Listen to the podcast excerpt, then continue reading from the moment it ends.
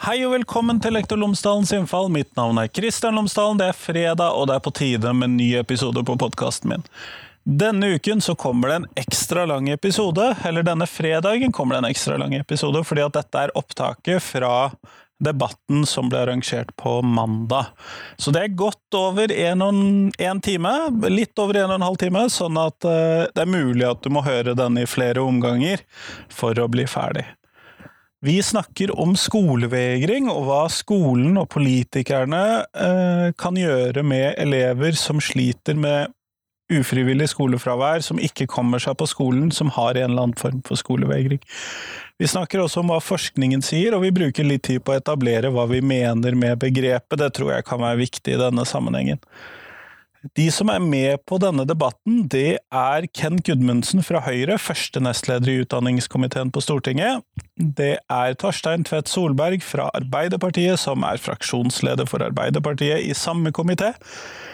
Det er Tina Hammerik som er reiselærer for eh, Bergen kompetansesenter for læringsmiljø, eller BKL, som er en viktig institusjon i Bergen på dette området. Og jeg har fått med Trude Havik fra Universitetet i Stavanger og Senter for læringsmiljø der. Sånn at de er med på den debatten. I tillegg så kommer det spørsmål fra salen for dette ble arrangert med publikum på Bergen offentlige bibliotek på mandag. Det var kjempegøy, jeg håper du setter pris på episoden. Eller så skal jeg eh, informere fra min sponsor Cappelen Dam Undervisning at på skolen.cdu.no så finner du alle læremidlene til Cappelen Dam Undervisning som de har laget i forbindelse med fagfornyelsen. Det dekker alle eh, fag, alle tema, alle tverrfaglige tema, alle læringsmål for grunnskolen i forbindelse med fagfornyelsen, sånn at det finner du på skolen.cdu.no. Men her får du intervjuet, vær så god!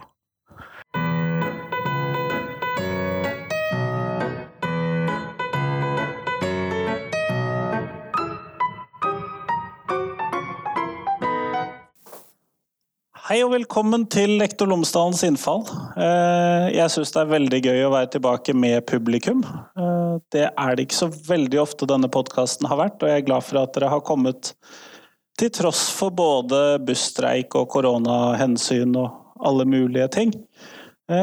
I dag skal vi snakke om eh, skolevegring og de elevene som det gjelder, og hva skolen kan gjøre og politikerne kan gjøre. Vi skal komme inn på mye forskjellig, men siden dette er en utgave av podkasten min, så skal vi følge noen sånne faste grep. Men i hvert fall først. Mitt navn er Kristian Lomsdalen. Eh, jeg jobber som lærer i videregående skole, men det håper jeg dere vet allerede. Men uh, førstemann ut, Trude, tre ting om deg, sånn at uh, både de hjemme og de i salen kan bli litt bedre kjent med deg. Trude, ja. Eh, trønder. Jeg vet ikke om det er én ting, men ingen treg trønder. Jeg er ganske utålmodig, elsker å være ute i naturen og har et brennende engasjement for barn eh, og elever i skolen. Ble det mange flere enn tre? Det eh, hørtes ut som tre. Ja, ok. Takk. Tine? Ja, Tine. Eh, jobber på Bergen kompetansesenter for læringsmiljø, så jeg er liksom eh, hjemme her nå. Eh, og jeg har eh, jobbet eh, der i veldig mange år. Siden 97, så begynner jeg å bli god og gammel i gamet. Ja. Eh, også veldig engasjert i barn og natur og miljø og i det, ja. Kjempeflott. Torstein, du er vel nestemann? Hei, veldig hyggelig og flott å komme. Torstein Tvedt Solberg sitter på Stortinget for Arbeiderpartiet, egentlig fra Stavanger. Eh, er en av de som aldri har slutta å bygge med Lego og klatre i trær, og er ihuga vikingsupporter. Kent Gudmundsen, eh, harstadværing, bosatt i Tromsø. Eh, er første nestleder i utdannings- og forskningskomiteen på Stortinget. 42 år, blitt eh, pappa, har to små, en gutt og ei jente. Så jeg har vært brennende engasjert i skolepolitikk siden jeg nesten ble engasjert i 93 i Unge Høyre. Eh, og det har ikke blitt dårligere etter jeg fikk barn, for å si det sånn. Eh, så jeg sitter jo i verdens beste komité, syns jeg. Enig. Kjempeflott. Og jeg syns jo det er veldig gøy at jeg har fått med dere to som representerer vel de to største partiene og eh, den komiteen som dreier seg om skole. Men først så må vi kanskje vite hva er det vi snakker om. Og Trude, som fagperson, hva er skolevegring? Det var godt å begynne å snakke om det, for det var jo det jeg lurte på. Hvordan har vi tenkt å definere skolevegring her i dag? Fordi at eh, skolevegring kan være smalt definert og, og vidt definert. Og sånn som jeg definerer skolevegring, så er det veldig smalt. Altså det er barn som har lyst til å gå på skole, ikke klarer å gå på skole. Det er en del kriterier som man ofte snakker om, at foreldrene vet hvor de er hen. De har, um, har ikke atferdsvansker. Um, foreldrene har prøvd å få dem på skolen, men klarer det ikke. Altså, det er en del kriterier uh, som skiller seg veldig fra skulk. Det er sånn som jeg tenker skolevegring. Uh, men så er det at skolevegring har nok uh, erstatta fravær som begrep. Og det gjør meg litt sånn urolig i forhold til hva det egentlig snakker om. Da snakker vi lett forbi hverandre. Så jeg tror det er litt viktig at vi, hvis vi snakker om alle typer fravær, så må vi snakke om fravær, men ikke om vegring. For vegring er en egen er en, liten gruppe barn og unge som ikke er klare, men har lyst til å gå på skolen, for å si det veldig enkelt. Eh, men det, vi har slutta å snakke om elever som skulker, f.eks. Har ikke vi elever som skulker lenger? Jo, det har vi. Og det finnes andre typer fravær òg. Altså, sånn, ok, vi må ikke gå fra ei grøft med å kalle alt skulk, til å gå i ei anna grøft for å kalle alt vegring, og det er det jeg tror har skjedd. Så, så, hva skal vi snakke om i dag? Er det alle typer fravær? Og jeg er jo opptatt av at vi skal snakke om alle typer fravær, fordi jeg er opptatt av forebygging. Og forebygging handler jo om å forebygge alle typer fravær, fravær og fremme tilstedeværelse i skolen. Så jeg er opptatt av at alle skal ha lyst til å gå i skolen, er trygge i skolen, er motivert for å gå på skolen og har en grunn til å stå opp om morgenen og komme seg på skolen. Det er liksom det forebyggende som er mitt hovedengasjement, egentlig, som pedagog. Uh, for jeg er jo pedagog. Uh, så ja. Mm. Tine, når du da har den jobben du har, hva slags bild, eller hvordan er det du ser skolevegring i den situasjonen?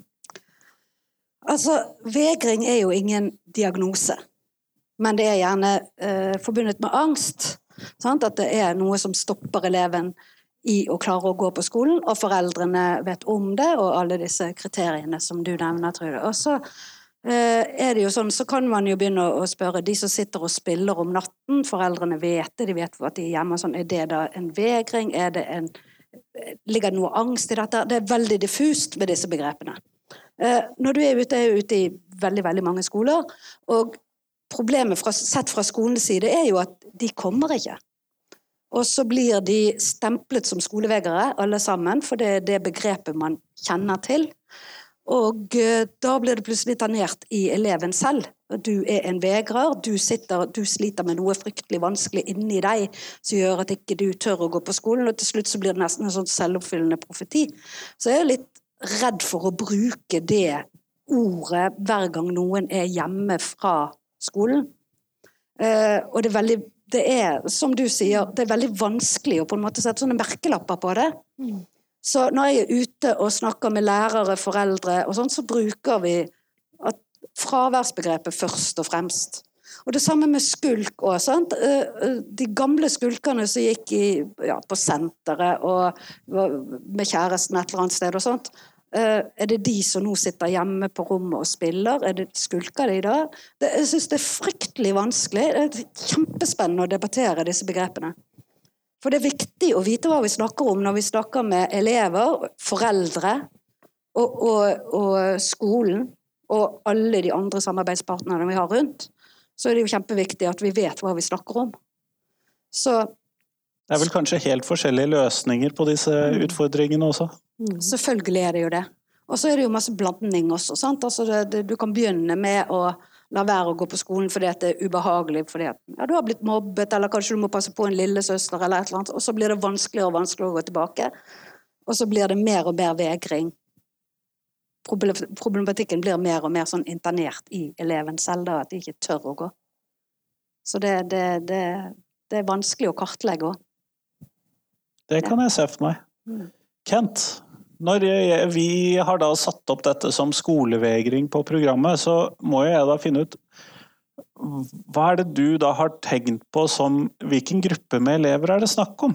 Hvordan, hvem er disse elevene, eller hva er problematikken? Jeg tenker Vi starta med en veldig god eh, innramming her. fordi eh, Vi må passe på å ikke bredde debatten for mye hvis vi skal virkelig ta tak i vegringsutfordringen.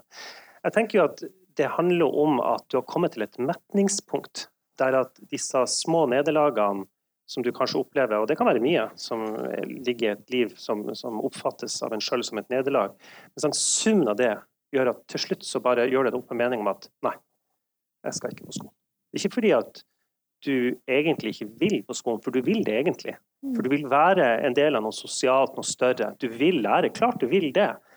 Men det er klart, når ingen ser deg, ingen hjelper deg, og du har bare nederlag på nederlag, ingen mestringsfølelse, ingen læringsglede, at da, da har du skolevegring.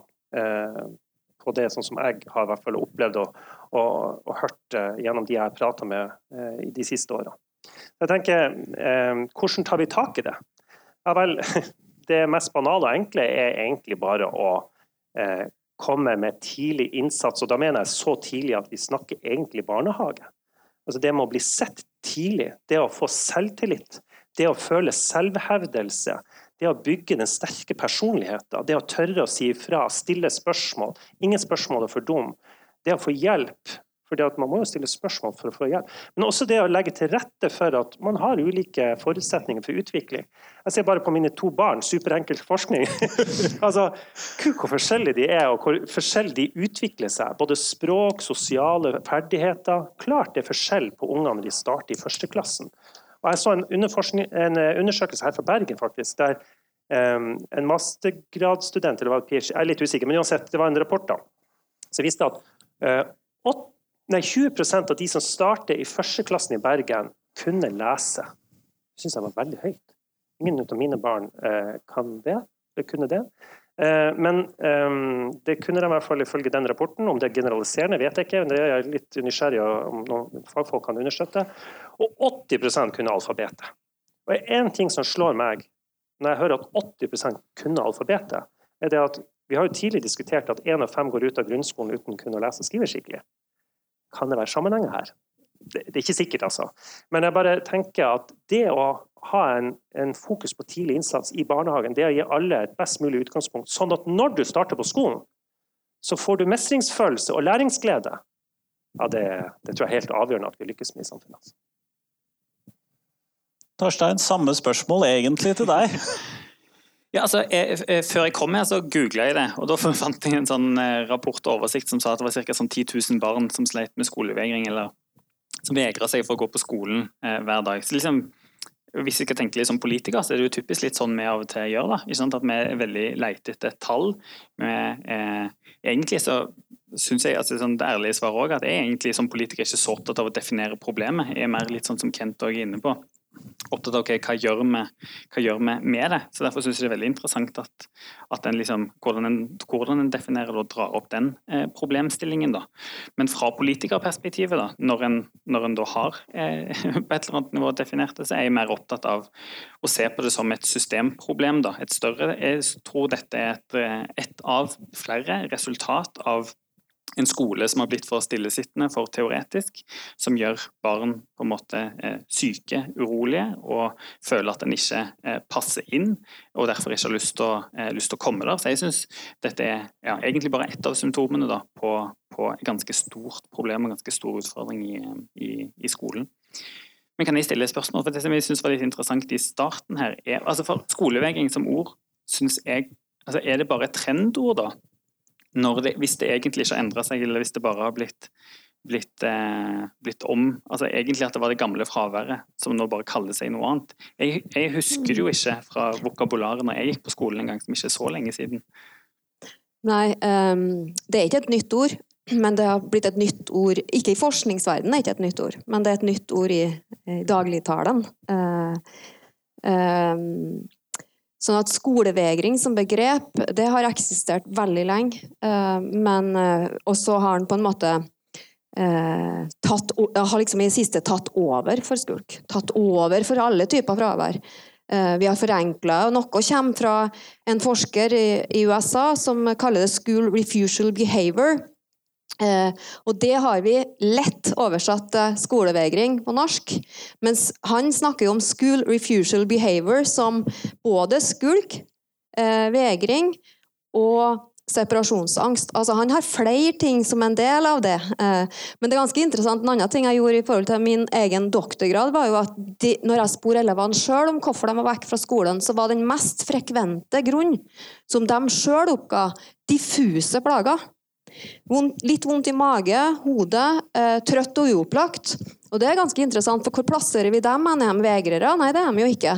Eh, er de syke? Ja, eh, det kan de faktisk være, fordi noen foreldre kan skrive det som sykdom, eller si til læreren at mitt barn var syk. Hjem til meg har det aldri blitt godkjent som sykdom. For det igjen nå hva er å være syk? Det er jo en ganske interessant debatt i forhold til forebygging. Hvor setter vi terskelen for å være hjem?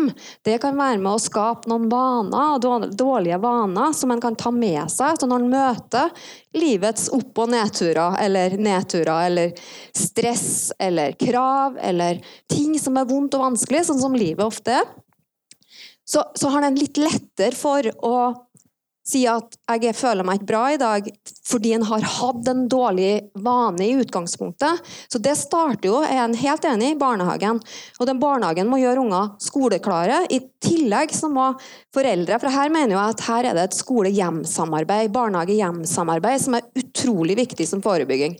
Det ene handler om å danne gode vaner, eh, og det handler om at eh, hvis hvis du har et barn i barnehagen som sjøl bestemmer som femåring når du skal være hjem fra barnehagen eh, fordi du har mer lyst til å være hjem med mamma eller med pappa eller med lillesøster, lillebror eller bestemor, så er terskelen når du begynner på skolen, mye større. Men hvis du har Si det siste året før du, når du går i barnehagen, så er det du som foreldre som bestemmer eh, no, det betyr jo at du, du ikke, treng, altså ikke, kan ha fri. Altså, det betyr jo ikke det, men det er du som voksen som bestemmer. For da blir ikke overgangen så stor, for den blir veldig stor for et lite barn. Jeg bor like ved en barneskole, og jeg ser de her småtassene på vei til skolen hver dag. og jeg blir så forundra at de er så små.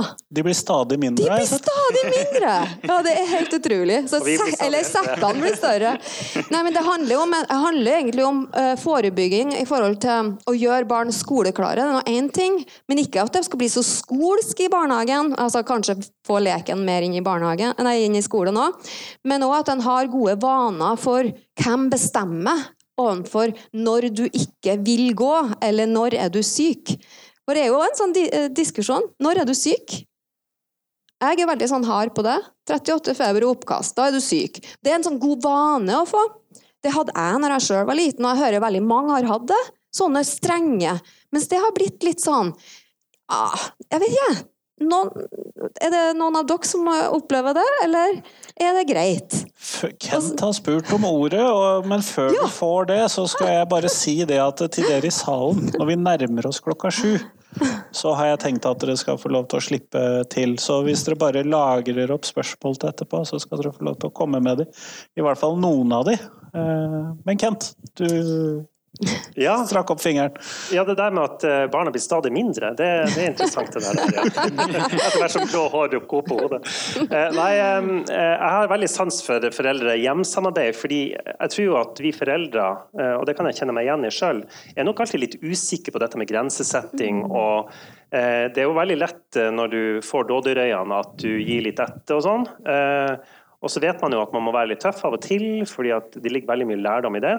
Så det å ha en god dialog med barne, altså førskolelærere og lærere, altså at du får den kunnskapsutvekslinga mm. sånn, som også disse lærerne tross alt har, gjennom å ha møtt mange foreldre og sett mange barn gjennom et langt arbeidsliv. Det tror jeg vi skal, det skal vi løfte litt mer fram. Og så må vi ha systemer. sånn at når du har mye fravær, eh, så må man ha systemer som følger det opp.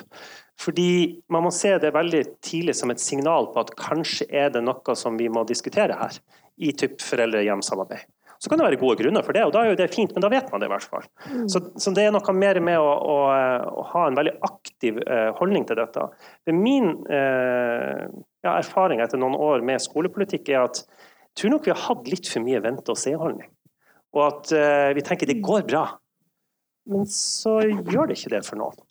Og Da er det litt det der med å, å ja, som sagt, ha systemer på plass, følge opp, tenke på hvert enkelt barn eh, som det individet det er, eh, og legge til rette for at det både får spesialpedagogisk tilrettelegging, eh, ekstra oppfølging, tett oppfølging med foreldre-hjem-samarbeid, ja, alt dette som trengs for at du skal få tidlig mestringsfølelse, så bygger denne selvtilliten, som gir læringsglede, og så har du spiralen oppover. Akkurat sånn som vi ønsker. Tine? Ja, altså Hvis vi snakker om fravær nå, og det føler jeg at vi gjør litt, eh, både i forhold til forebygging, for det er jo det vi vil, sant? Så, så tenker jeg det at fokus både altså i hele landet, nasjonalt, og ned til den bitte lille barneskolen må, Altså fokus, det må opp. Det må opp dette med fravær. Altså, alle skoler bør ha en handlingsplan de har handlingsplan for eh, terrorangrep, for korona, for uh, mobbing. De har handlingsplan for brann. De har masse handlingsplaner på skolene, men det er veldig få skoler som har en ren handlingsplan. Et team, et nærværsteam eller fraværsteam eller et eller annet sånt på skolen som har fokus på dette, sånn at de kan akkurat plukkes opp så tidlig. At det er et tema på hvert eneste foreldremøte. At vi har en plan for hva som skjer. Hvis barnet ditt er borte så og så mange ganger i løpet av en måned, så vil det og det og det skje. Og da er det forutsigbart. For hjemmene trenger også forutsigbarhet. Altså, Elevene trenger forutsigbarhet. Du skal være på skolen fra halv ni til to eller tre, eller når det er, og du skal den timen, den timen, den timen.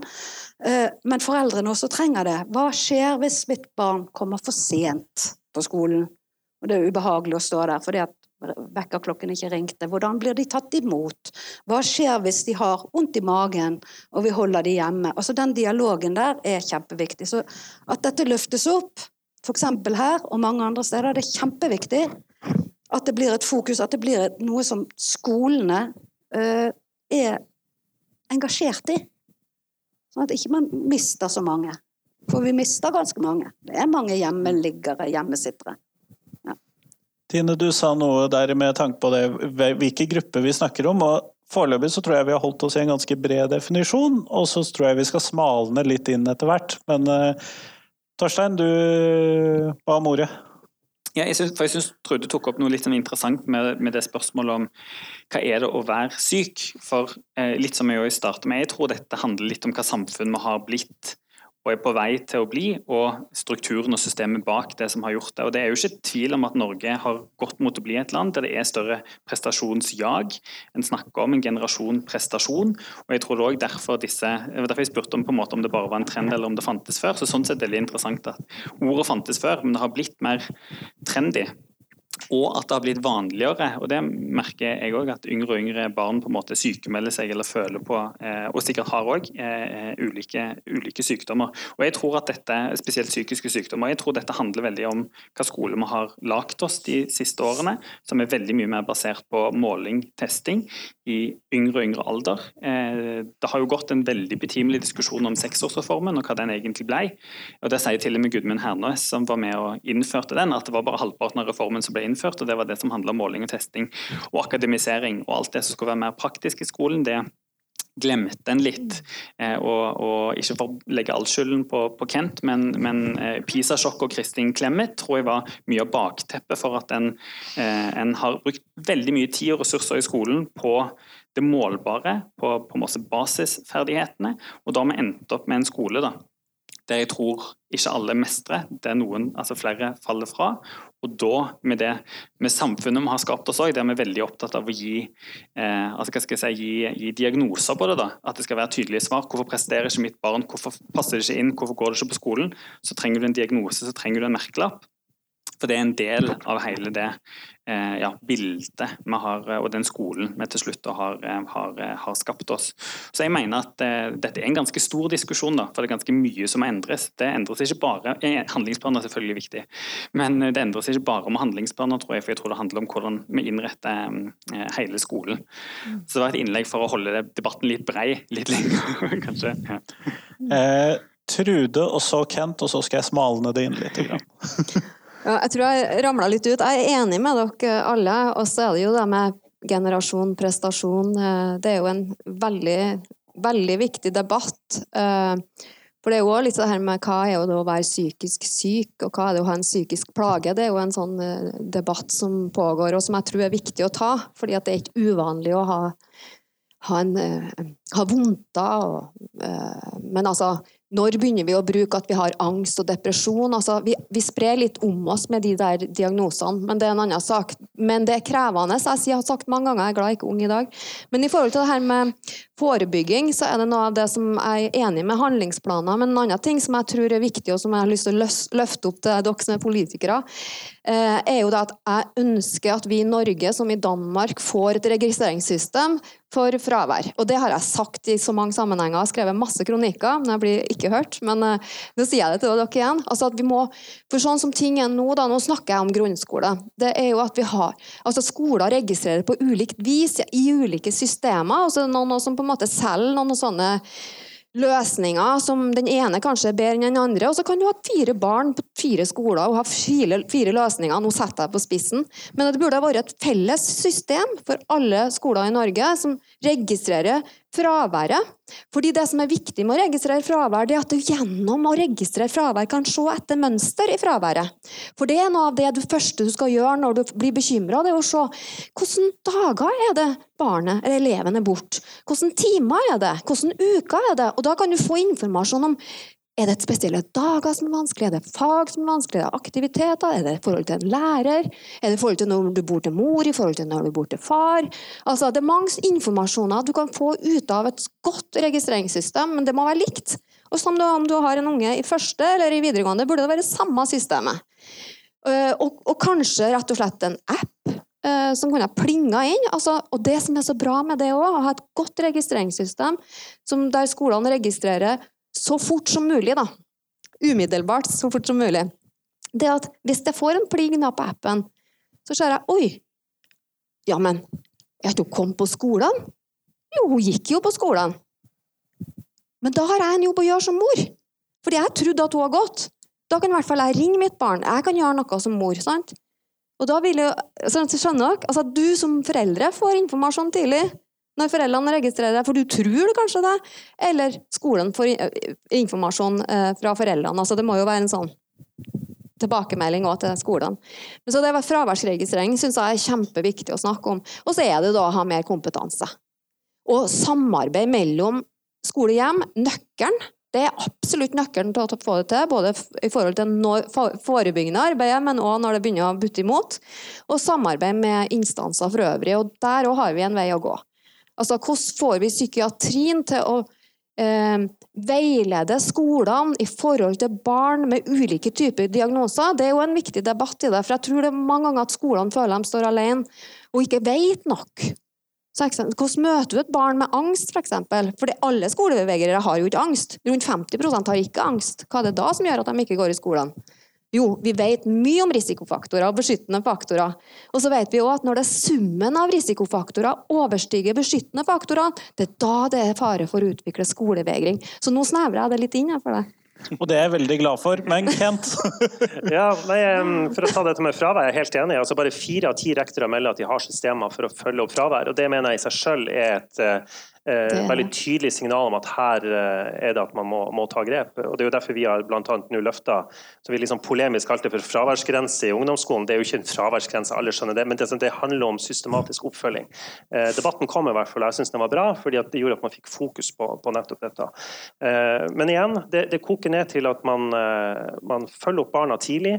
Eh, jeg håper ikke vi får plutselig en sånn testregimedebatt, for det føler jeg en avsporing. Vi har 13 timer prøver, prøve, nasjonal eh, styrt prøver i det 13-årige skoleløpet i skolen. Og da tenker jeg sånn, ok, eh, Med tanke på at hvert skoleår består av 191 hva det er, skoledager 190. Liksom, ja, 190, ikke sant?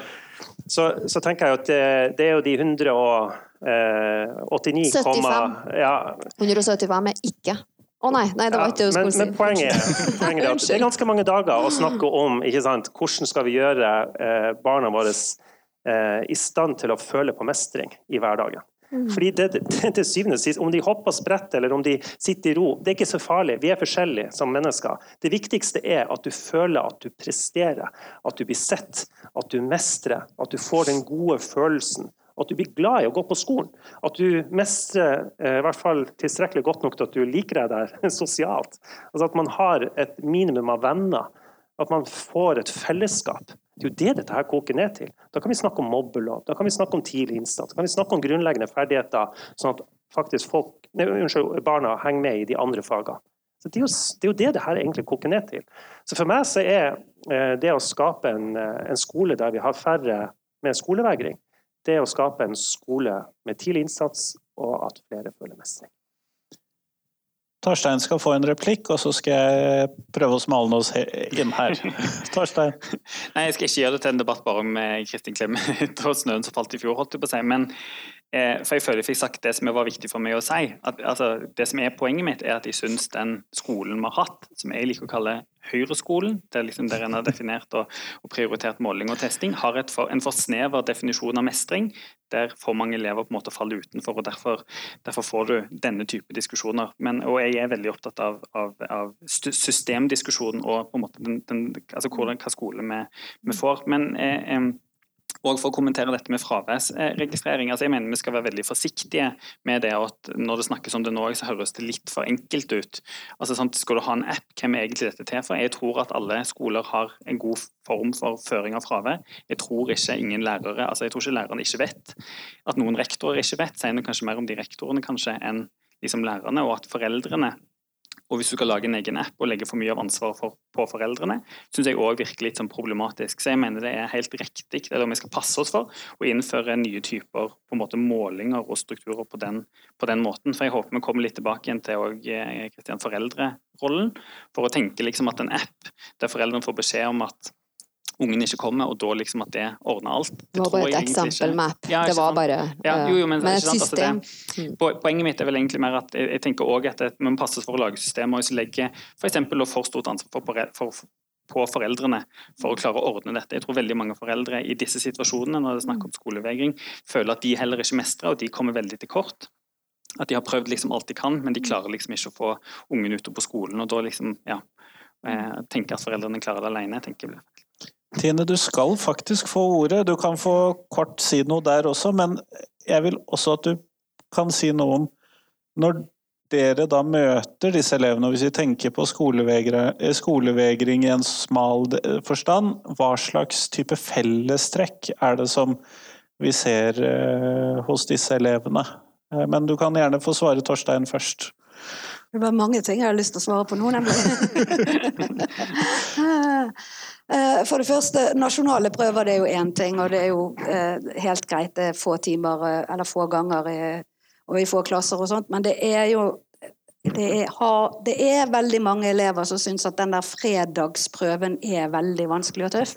Så den målingen i skolen eh, kan være veldig vanskelig for de elevene som, som uh, sliter litt med sitt selvbilde og sin selvfølelse i klassen. Så jeg ville bare si det, for det har vært mye testregimer rundt i mange skoler, og det kan være med på å gjøre det veldig vanskelig.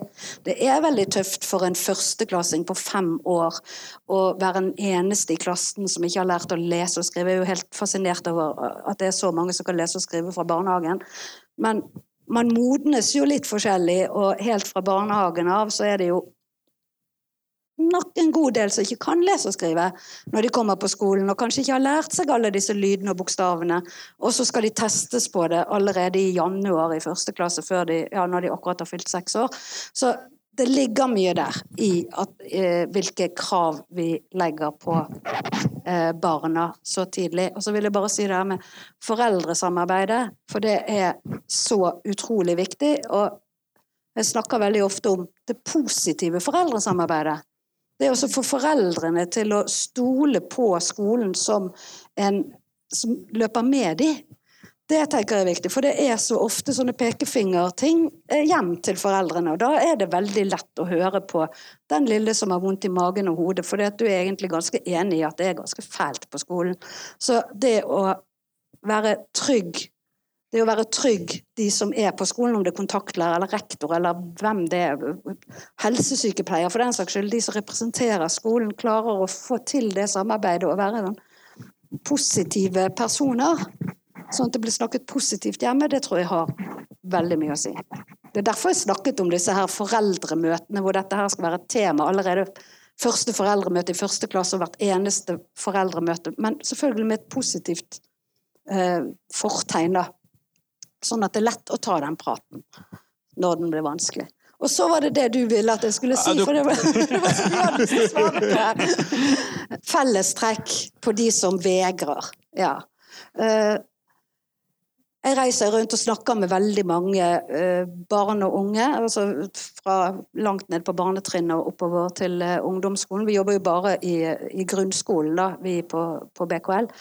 Eh, og vi ser jo at vi får flere og flere som faller fra i barneskolen. Når jeg begynte å interessere meg for dette her så, i 2001, så begynte jeg å jobbe veldig sånn effektivt inn mot elever som ikke var på skolen, og skolevegrere og noen skulkere. Eh, Da var det ungdomsskoleelever. Så et eller annet merkelig er det når du får oppmeldt Første- og andreklassinger klarer vi ofte å gjøre noe med, for de er så unge og ferske, og foreldrene er så bekymret. Og eh, går man inn med masse tiltak da, så klarer man kanskje å snu det. Eh, men fjerde, femte, sjette klasse, og så plutselig begynner de å bli vekke fra skolen, ser vi mye mer av. Og hva sier disse her barna? Jo, noen mener at de har blitt mobbet, noen syns det er for mye bråk i klassen, altså det går på klassemiljø og sånne ting, som egentlig det kan gjøres noe med. Hvis man bruker litt tid og penger og ressurser og folk og, og tar en sånn skikkelig oppvask og ordner det, for det kan ordnes. Eh, eh, Så det, det er jo også noe man kan trygge på. Ja, men da gjør vi noe med det. Søvn. Mangel på søvn, søvnrutiner, spilling. Veldig ofte sliten. Jeg har sagt til veldig mange, eh, både foreldre og elever og lærere, ta vekk det ordet 'sliten' fra vokabularet ditt. Alle er så sliten, og de blir så sliten av å skulle gå på skolen, av å ikke gå på skolen. Og jeg tenker også det at det kan være litt sånn selvoppfyllende profeti. Det er så slitsomt. Eh, Jeg tenker Forebygging er det aller viktigste, og det, er vel, det kan jeg snakke lenge om. Ja, har vi mye tid? Har mange gode ideer, og noen halvgode ideer. Vi skal eh, kanskje komme innom noen av de litt lenger ut i samtalen. Så skal du få lov til å ønske deg ting. Men det jeg vil si det er at de jeg treffer er så forskjellige. Det er flere og flere gutter. Det var flere og flere jenter. Eh, Det er veldig ofte eh, noe i det sosiale miljøet i klassen. Det å ikke ha venner. eh, Det å føle seg utenfor. Utenforskapen. Og det å ikke strekke til. Og det å ikke forstå det som skjer på skolen. Det vokser seg opp som sånne, sånne tårn rundt eleven. Og når det blir mange nok sånne tårn, så er det jo ingen som har lyst til å gå og møte det. Jeg forstår veldig mange elever at de syns det er vanskelig å gå. Kent, du ba om en replikk. Ja, nei, eh, Mulig at jeg ikke skal sykle tilbake dit, men, men eh, bare sånn veldig kort så er det jo det at eh, fra nasjonalt hold så er det bare 13 timer. Sant? Så eh, finner man jo på ting av prøver og andre sant? Aktiviteter lokalt på den enkelte skole, den enkelte kommunen. Så der må man jo ha gode runder på, blant lærerprofesjonen og sånt, på hvordan man legger til rette for nettopp at ikke de type avsjekkene som man gjør med elevene sine, blir oppfatta som en prøve og en stress. Det er jo mange måter å finne ut av hvor ens elever står, uten at du nødvendigvis trenger å gjøre en prøve ut av det. Eh, og Det tror jeg man blir litt sånn flinkere til. Og Jeg vil peke på den der tett på stortingsmeldinga som vi vedtok nå i mars. Altså litt ut av eh, Tanken bak den er jo f.eks. at du får mer PPT ut i skolen. Eh, Du skal jo, vi vil jo gjennom omlegging av Statped nå gjennomføre en ganske sånn stor videreutdanning eller etterutdanningsløft i førstelinje. Sånn at flere av lærerne våre skal ha spesialpedagogisk eh, kunnskap eh, og en viss grad kompetanse, vil jeg si. Sånn at de kan tidlig sette inn tiltak mot den elevgruppa som f.eks. han gutten som vi leste om i Aftenposten, der det var en av de første sakene om, om skolevegring, der han hadde, visste han hadde aspergers. Det var ingen som oppdaga det for sånn kjempelenge. Da var det for seint, for da hadde skolevegring eh, allerede fått godt eh, forplanta seg. Så, så jeg tenker at eh, litt ut av dette her med kunnskap tett på tidlig og sånt, det er kjempeviktig. Og så bare en sånn digresjon. Altså, hva er det som skaper press hos oss? Det er jo kanskje vel så mye det som er utafor skolen også. Er det én ting som jeg har bare reflektert masse over, så er det den der plingen i telefonen hele tida. Sosiale medier og Facebook. Du er jo på hele tida. Husker da jeg var liten, spilte fotball, og det var jo liksom, du avtalte at du skulle være hjemme klokka syv-åtte på kvelden eller fem til middag, eller gud vet. Du tenkte jo ikke på noe annet enn de vennene du hadde rundt deg, og det du sto i der og da. Nå så er det jo så mye mer. Og det tror jeg påvirker oss på skoleområdet og på andre områder i livet også. Jeg tror ikke vi politikere òg har litt av skylden. Jeg tror faktisk at uh, måten vi samhandler på, særlig ungdom, uh, og jeg ser det gjennom de tantebarn og sånt som jeg har, det er, det er en helt annen eh, samhandling enn i hvert fall sånn som jeg velger å huske det fra når jeg var yngre, og som jeg også har pratet med andre om. de det er, en, det er, mye selfies, og det, det, det, legger ut, og du skal være så lykkelig. Du legger ut veldig mye på, på, Facebook, og alle jager etter det der. Eh, og det tror jeg påvirker en uh, i hverdagen. Jeg, jeg, føler ganske sterkt det. Altså. Men det er klart, hva, hva, skal man gjøre med det? Det er jo fryktelig vanskelig. sant? Altså, kan jo ikke forby sosiale medier, liksom. Trude, du sa i stad at halvparten av de som man regner som skolevegrere, de sliter med angst. Ja, I en eller annen form. Mm. Uh, hvis vi nå snakker om skolevegring som den snevre gruppa, da, Vi prøver. Ja, vi kan prøve det. Så er det mange det, altså, altså, det har jo vært forska i mange år på det her, og jeg har jo bare forska bitte litt. Uh, men det som jeg, jeg er ganske oppdatert på hva forskning som er gjort sånn i verden. Uh, er med i ei sånn internasjonal gruppe, samarbeider med de store, store forskerne. Og, har bl.a. skrevet en artikkel om 'emerging school refusal', altså tidlige tegn til skolefravær. Skolevegring, faktisk. Skolevegring. Helt snevert. Eh, og der er det, er det Altså, det er veldig mye forskning å sette seg inn i. Altså, Utrolig mye forskning å sette seg inn i rundt omkring i verden. Men problemet der òg er jo at en har definert skolevegring litt forskjellig fra, fors altså fra, fra, forskning til forskning. Og det vi har prøvd å gjøre, det er å bruke dem som har definert det snevert. Altså de her. Og da, det, da kan vi se at det er kjennetegn hos et barn, det er kjennetegn hos foreldre eller hjem, og det er kjennetegn i skolene. Eh, men så er det jo igjen sånn at det er jo ikke sånn at alle de kjennetegnene eller de risikofaktorene må oppfylles. Men det er som jeg sa tidligere, at når summen blir for stor, det er da det er fare for at skolevegringen kan utvikle seg. Så hvis du har et barn med angst, så er det klart at det barnet må få hjelp for den angsten.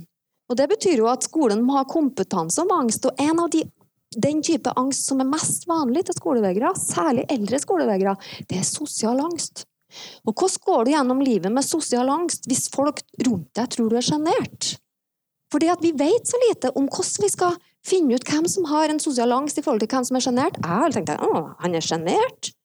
Ja, men tenk om han har sosial angst og får ingen hjelp for det.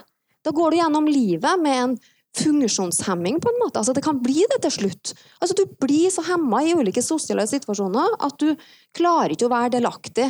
Og derfor kan det være at du velger å være hjemme. Så det er viktig at en har kompetanse. Og en ting som jeg syns er bra, det er at vi har eh, faget livsmestring i skolen, som skal være tverrfaglig nå. Så det starta i høst. Og det betyr at lærere skal bidra inn mot den psykiske helsen til barn og unge. Og det er en annen ting i det er jo at, uh, at uh, helsesykepleiere er jo på skolen. Helsesykepleiere i dette arbeidet her. De kan mye om kartlegging av type, forskjellige typer angst. Men så sier jeg jo det, ja, det er jo ikke alle som har angst eller depresjon. Men de som ikke har det, da kan det handle om større, større grad om skolemiljøet. Men altså når du har summen, da. Det er jo det. Så jeg har funnet i mitt studie at mobbing er en viktig faktor. Sosial isolasjon. Og så er det det her med å ha manglende forutsigbarhet i skolen. Altså i livet. Livet er jo egentlig uforutsigbart. Så, så, kan du si at ja vel, og de kan jo ikke sy puter under armene på dem, de må jo tåle livet. sant? Ja, men vi, noen må ha mye mer hjelp på den veien. Uh, mye mer oppleves som stressende for enkelte sårbare barn. For det her er snakk om ganske sårbare barn. Intro, mye mer introverte barn. Mer sjenerte barn. Det er barn som tenker mye mer negativt. Altså, nå tar jeg for meg noe av de her individuelle faktorene som man har funnet i forskning. De har dårlige mestringsstrategier. Ok, Hva gjør vi med det, da? Altså, Vi må jo hjelpe dem til å få andre mestringsstrategier enn unngåelse. For når du, mestringsstrategien din er kun unngåelse når du møter noe som er vanskelig, så blir du jo hjemme da. Det her, men det er mange, mange, mange, mange flere ting som jeg kunne ha snakka om. Men det her er bare noe av det komplekse bildet. Og vi har skrevet om det her, her eh, veldig grundig og gått inn i all forskning. Og kommet med en sånn oppsummeringsartikkel som egentlig burde være pensum for de som skal bli lærere. Men så er den jo på engelsk. Men det, jeg kan godt eh, oversette den til norsk, hvis noen vil bruke det. For det er utrolig interessant. og Det er igjen da viktig å si at det betyr jo ikke at når en blir utsatt for mobbing, så blir en en vegrer. Det betyr jo ikke at når en har sosial angst, så blir en en vegrer. Nei, de aller fleste med angst går i skolen. Men så er det noen med angst som ikke klarer det. Og da er det jo fordi det er noen andre faktorer også som gjør at livet er vanskelig eh, for de her barna. Og da er det jo Ja. Så det er jo eh, en skolevegrer Én skolevegrer er ikke lik en annen skolevegrer. Ett tiltak, for det er mange som ber om tiltakspakker.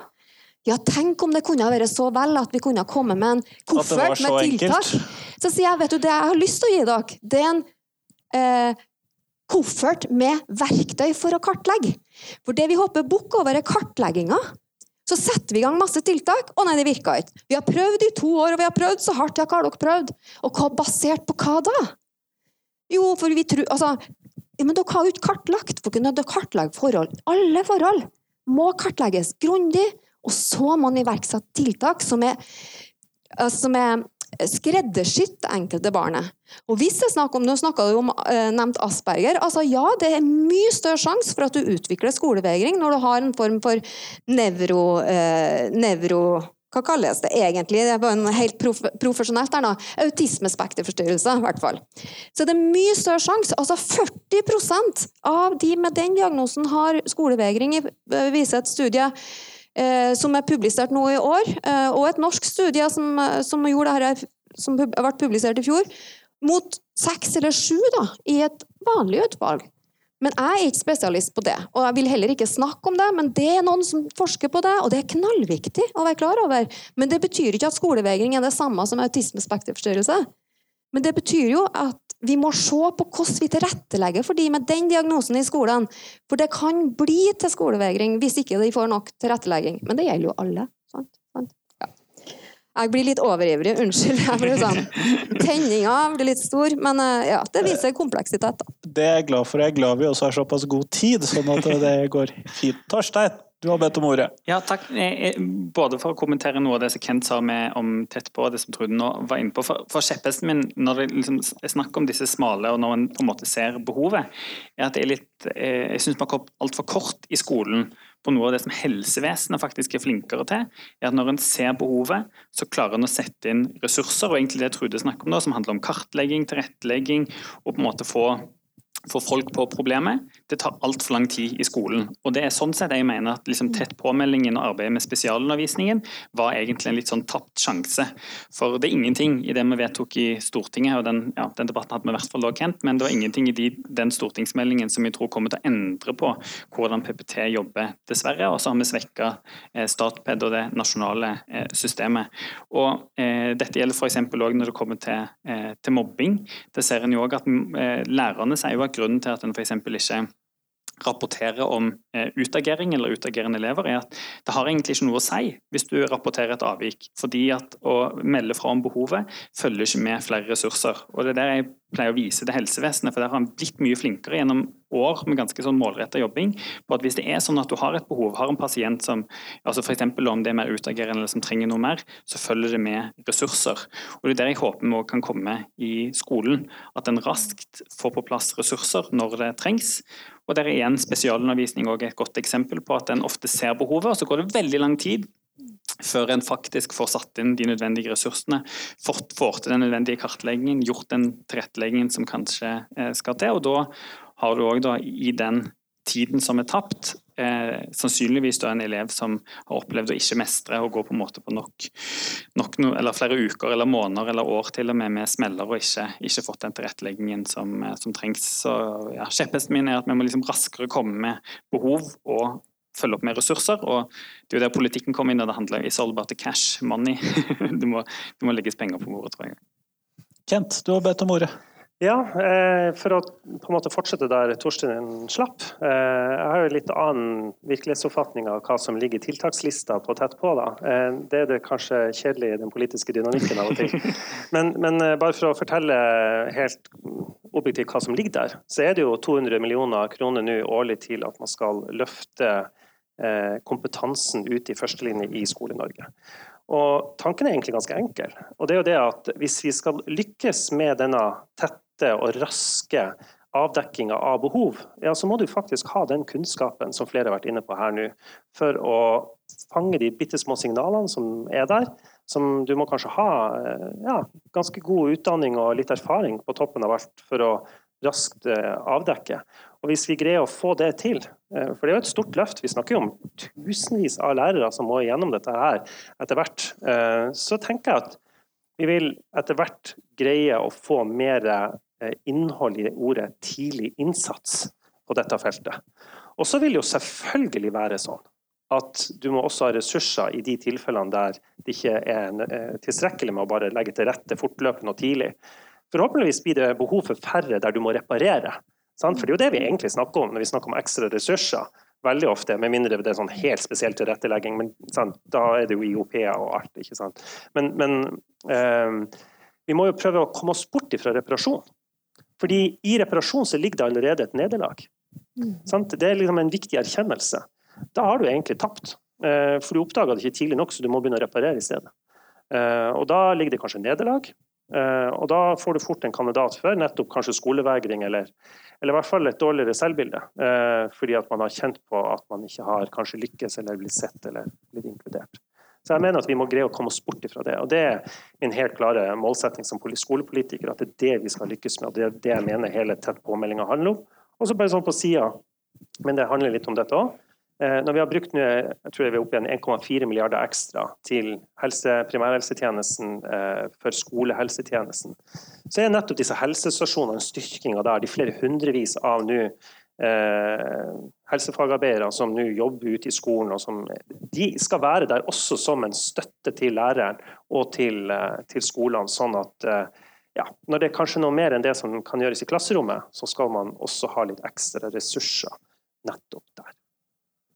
Nå har jeg Tine, så Torstein. Ja. Ja takk, Trude. Den artikkelen din bør uh, bare ta inn i lærerutdanningen. Uh, for der må vi også ha fokus. Uh, det er veldig mye fagfokus i lærerutdanningen, og det er viktig, men det er også veldig viktig at lærerne får litt mer spesialpedagogisk grunnlag før de er ute. Opp opplever jeg når jeg er ute og mm. snakker med unge lærere. Altså det, det begreper de aldri har hørt om. Og, ja, er det noe problem? Eh, så det var noe, det ene. Det andre er jo det at dette er ingen forskning, dette er selvopplevd at jeg opplever at det er blitt flere og flere. Jeg har ingen tall, eh, for det kan godt være at det aldri ble meldt til oss tidligere, eller sånn på 90-tallet, når jeg begynte å jobbe med dette her. Da var det en og annen som ikke gikk på skolen, og mange av de skulket og lekte seg med litt dop eller var fyllesyke eller ja, uh, hadde den begrunnelsen. Så det er et eller annet. Og da er jo spørsmålet er det skoleskapt. Er det skoleskapt dette her at vi har fått så mange flere som er hjemme? Eller er det det at det er blitt stuerent å snakke om det? Eller er det fordi at vi er blitt mye flinkere til å registrere det?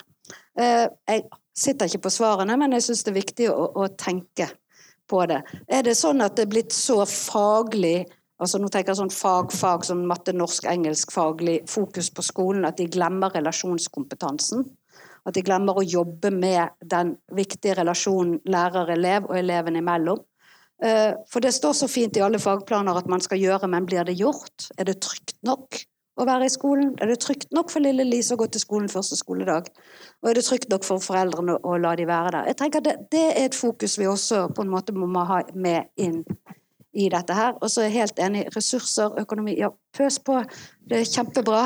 Eh, flere lærere inn i klassen. Mer tid til hver elev. For det er skummelt å være ja, Du kaller det sjenert, kanskje det er sjenert det, men det å være sjenert er ganske vondt. Trenger ikke ha utviklet angst for å ha det vondt. Det kan være kjempetøft å gå inn i klassen og være sjenert, og alle ser på deg. Måten å bli tatt imot Er det nok voksne til å ta imot oss? dette her er jo, det, er jo så mye gøy vi kan gjøre med dette her. Eh, hvis vi bare kan eh, fiske opp litt mer penger og litt mer folk. Og ja takk, helsefagarbeidere inne i skolen. Kjempeflott. Eh, mer av det, men pedagogene må være det det satses mest på. Nå er jeg tilbake til det jeg sa om lærerutdanningen, så det er bare takk. Torstein? Jeg vil bare si Vi er veldig enige om det med mer spesped i lærerutdanningen. Jeg synes jo Det er et paradoks i seg selv at man utvider lærerutdanning, men har mindre tid til på en måte både klasseledelse og spesped og sånt. Men det, det, det er òg en stor, stor, debatt. og bare for å kommentere til, til, det med Kent og diskusjonen om tett på. Altså, sånn du får ikke PPT og den fagkompetansen ut i skolen når en ikke har gjort noen ting med alt det bakenforliggende. For det som er problemet i PPT, er at du må sitte og skrive masse rapporter og sakkyndigvurderinger. Og der hadde en ingen vilje til å ta vekk noen av de rapporteringskravene som ligger der. og Derfor tror jeg, er derfor jeg tror at veldig mye av det kommer til å fortsette, fortsette som, eh, som, før.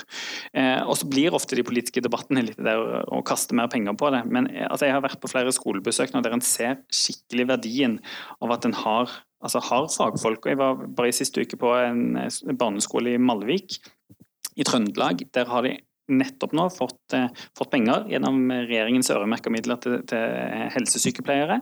Eh, fått på den skolen en egen helsesykepleier som hadde en, selv en egen interesse for dette med hund, og hadde etablert en skolehelsehund på denne barneskolen. Første jeg har møtt.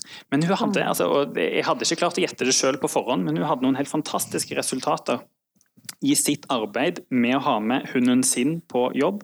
En av de barneskolene i landet som sannsynligvis får flest gutter til å besøke eh, helsesykepleier og på en måte snakke om eh, sine utfordringer, fordi hun hadde med seg eh, hunden. og sånt. Og Hun sa jo det selv, det hadde aldri skjedd hvis hun ikke hadde vært en hel stilling der hun kunne være på den, eh, den skolen, bli kjent med de elevene og bygge opp på en måte den, den, eh, den tilliten. Da. Så Det mener jeg er ekstremt viktig. Eh, vi skal litt videre. Sånn at, men fordi at det, En ting som vi har sett det siste halvåret, er jo at vi har sett at eh, det går an å ha undervisning hjemmefra. Um, og når, det, det, er en del foreldre som også sender meg melding og forteller om den situasjonen de står i. Uh, ikke bare nå som jeg har lansert dette, men når jeg har tatt opp temaet tidligere. Uh, og det som de forteller om, er at de ofte ikke ikke får undervisning til barna sine når de ikke dukker opp på skolen.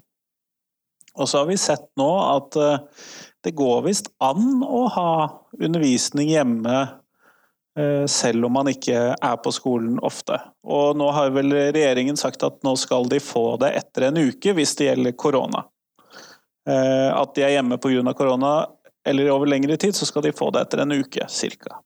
Og så er det jo selvfølgelig et spørsmål om det er lurt, det er jo en annen side av det. Men ville det være riktig fra politisk side å legge opp til mer av den typen fjernundervisning for langtidsfraværende fra skolen?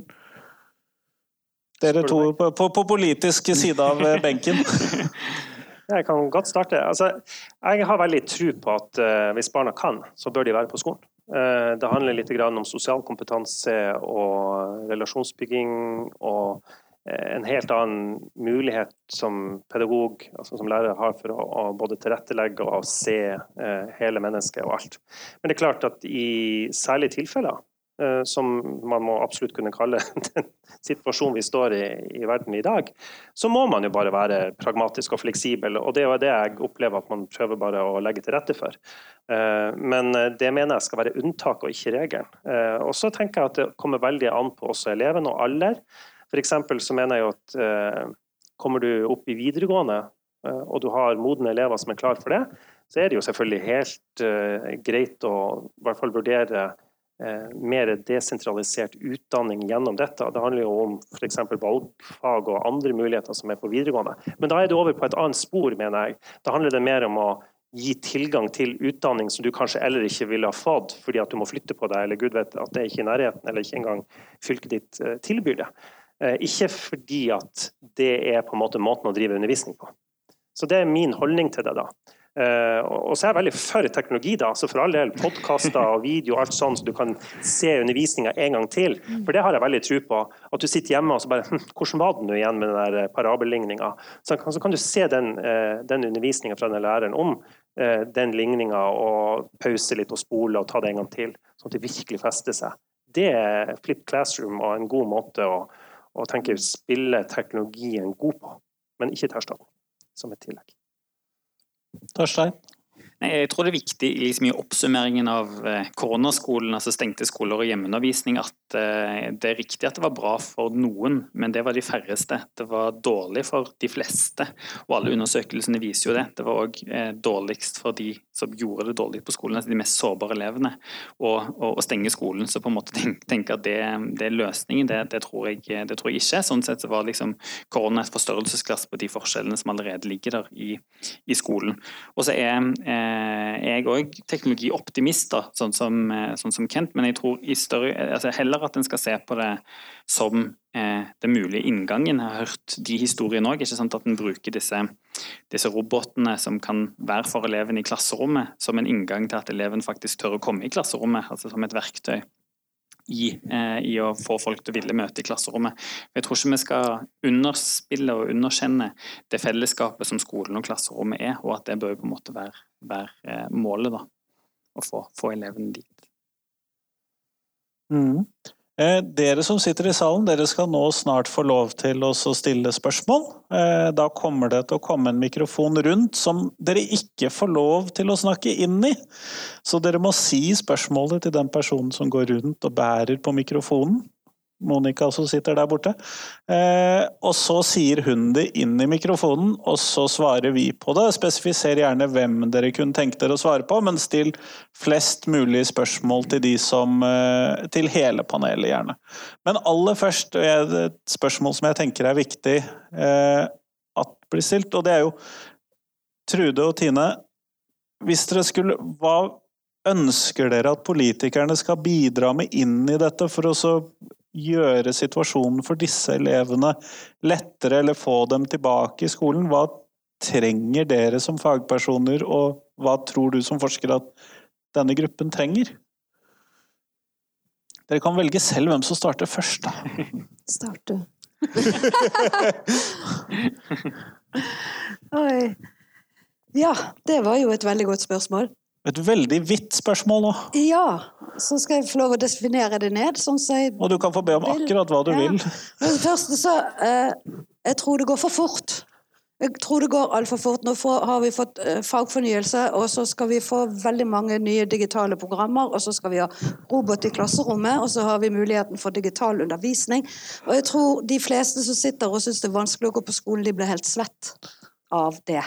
Så man må på en måte tenke en tanke ferdig, og kanskje prøve å få den ut i skolen før man begynner å pøse på med nye alternative tiltak og tanker. Eh, for det blir det er forferdelig mye å forholde seg til eh, for disse elevene, og for foreldrene, og ikke minst for, for lærerne. Så altså, jeg tenker jo at den én-til-én-relasjonen lærer-elev, det er det man bør ha mest fokus på. Det er fint med skjerm, men hvis det skal forherliges så utrolig opp som det blir nå, og som det helt sikkert kommer til å fortsette med, så kan vi miste litt av den utrolig viktige 'hei, så kjekt å se deg', øyekontakten, som kanskje må skje i hjemmet. Og da kan vi jo tenke litt sånn midler og sånt, for kontaktlæreren må jo hjem til, til eleven hvis ikke eleven kommer på skolen. De må jo bli trygge på en eller annen måte. De må kanskje gå ut og fiske eller ake i akebakken eller et eller annet. Sånn det blir en dyr elev, hører jeg. Blir, ja, men hvor dyr er den eleven når den er sosialklient som 20-åring, da? Hvor dyr er den eleven da? Altså, Nå snakker vi forebyggende, og her snakker, nå snakker vi økonomi. Men det er tall som er ganske spennende. Og det er mange som har forsket på det og laget sånne tentative tall. Men problemet er det at forebygging er det jo ingen som har tall på. Jeg kan ikke si de gangene jeg har vært hjemme og klart å få en elev, en åttendeklassing, som går ut med vitnemål i tiende klasse. Jeg vet at hadde ikke vi jobbet skolen og meg sammen så bra med den eleven, så hadde den aldri begynt på videregående. Det vet vi. Men det er jo ingen tall på det. Mm.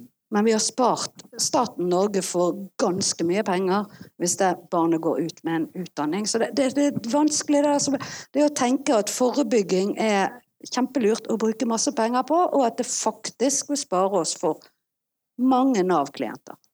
Før du får lov til å svare, Trude, så skal jeg bare si det. Min første jobb som lærer, ordentlig jobb, det var tre måneder. Reise hjem til en elev, vekke eleven tre ganger i uken klokken tolv og så gjennomføre så mange fag som jeg klarte å gjennomføre eh, med den eleven.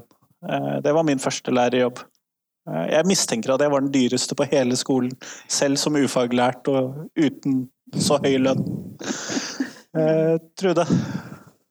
Jeg vil henge meg litt på det som du snakker om. Altså, fordi jeg tror det med å få mer ressurser tidlig inn i skolen, altså tidlig løp, eh, eh, forebygge, eh, vil spare oss for mye penger. Eh, men jeg ønsker jo at det skal være en kompetanseheving. Eh, lærerutdanning og i skolen, og i hjelpeapparatet. Altså for, og, og et bedre bedre samhandling, samarbeids... altså Kanskje ikke fullt sånne tette skott mellom de ulike instansene som jobber i forhold til barn og unge. Her er vi, vi, vi er enige om at vi jobber for barnet sammen. Eh, mens det kan av og til virke som litt sånn tette skott både mellom, eh, mellom alle, liksom. Og hvis du har behov for at barnevernet skal komme inn og hjelpe fam familien med noe, så er det barnevernet eller er det andre instanser som ikke er så farlig å snakke om som barnevernet kan føles, selv om barnevernet skal være der og er der for å hjelpe, så kan det føles som en sånn trussel. Og så vil jeg jo at vi skal gå vekk ifra vet ikke om det er på politikerne, det går jo på kompetanse, da, at vi må ikke skylde på hverandre. for Det her handler det er veldig mye sånn skyldfordeling. Jeg vil at skolen skal bli mer mestringsorientert. Vi må bort ifra den prestasjonsorienteringa, for mestringsorientering, prosess, læring, altså læringsprosessen, det å bli bedre uten å sammenligne deg med andre, det fremmer samarbeid. Og jeg tror det ting som fremmer samarbeid, gjør godt. Eh, og jeg tror vi har jobba med relasjoner. Jeg tror Lærere er kjempeflinke til å jobbe med relasjoner eh, mellom lærer og elev. Eh, og, mellom elever.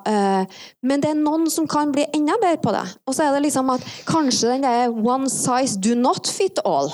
Altså Kanskje det er lærere, enkelte lærere som trenger noe mer for å klare å få en god relasjon til en elev som ikke svarer deg, som sitter med hetta over hodet, som ikke møter opp på skolen. Du trenger noe mer. Og hva er dette der mer? Så det der one size fits all uh, tror jeg vi må bort ifra.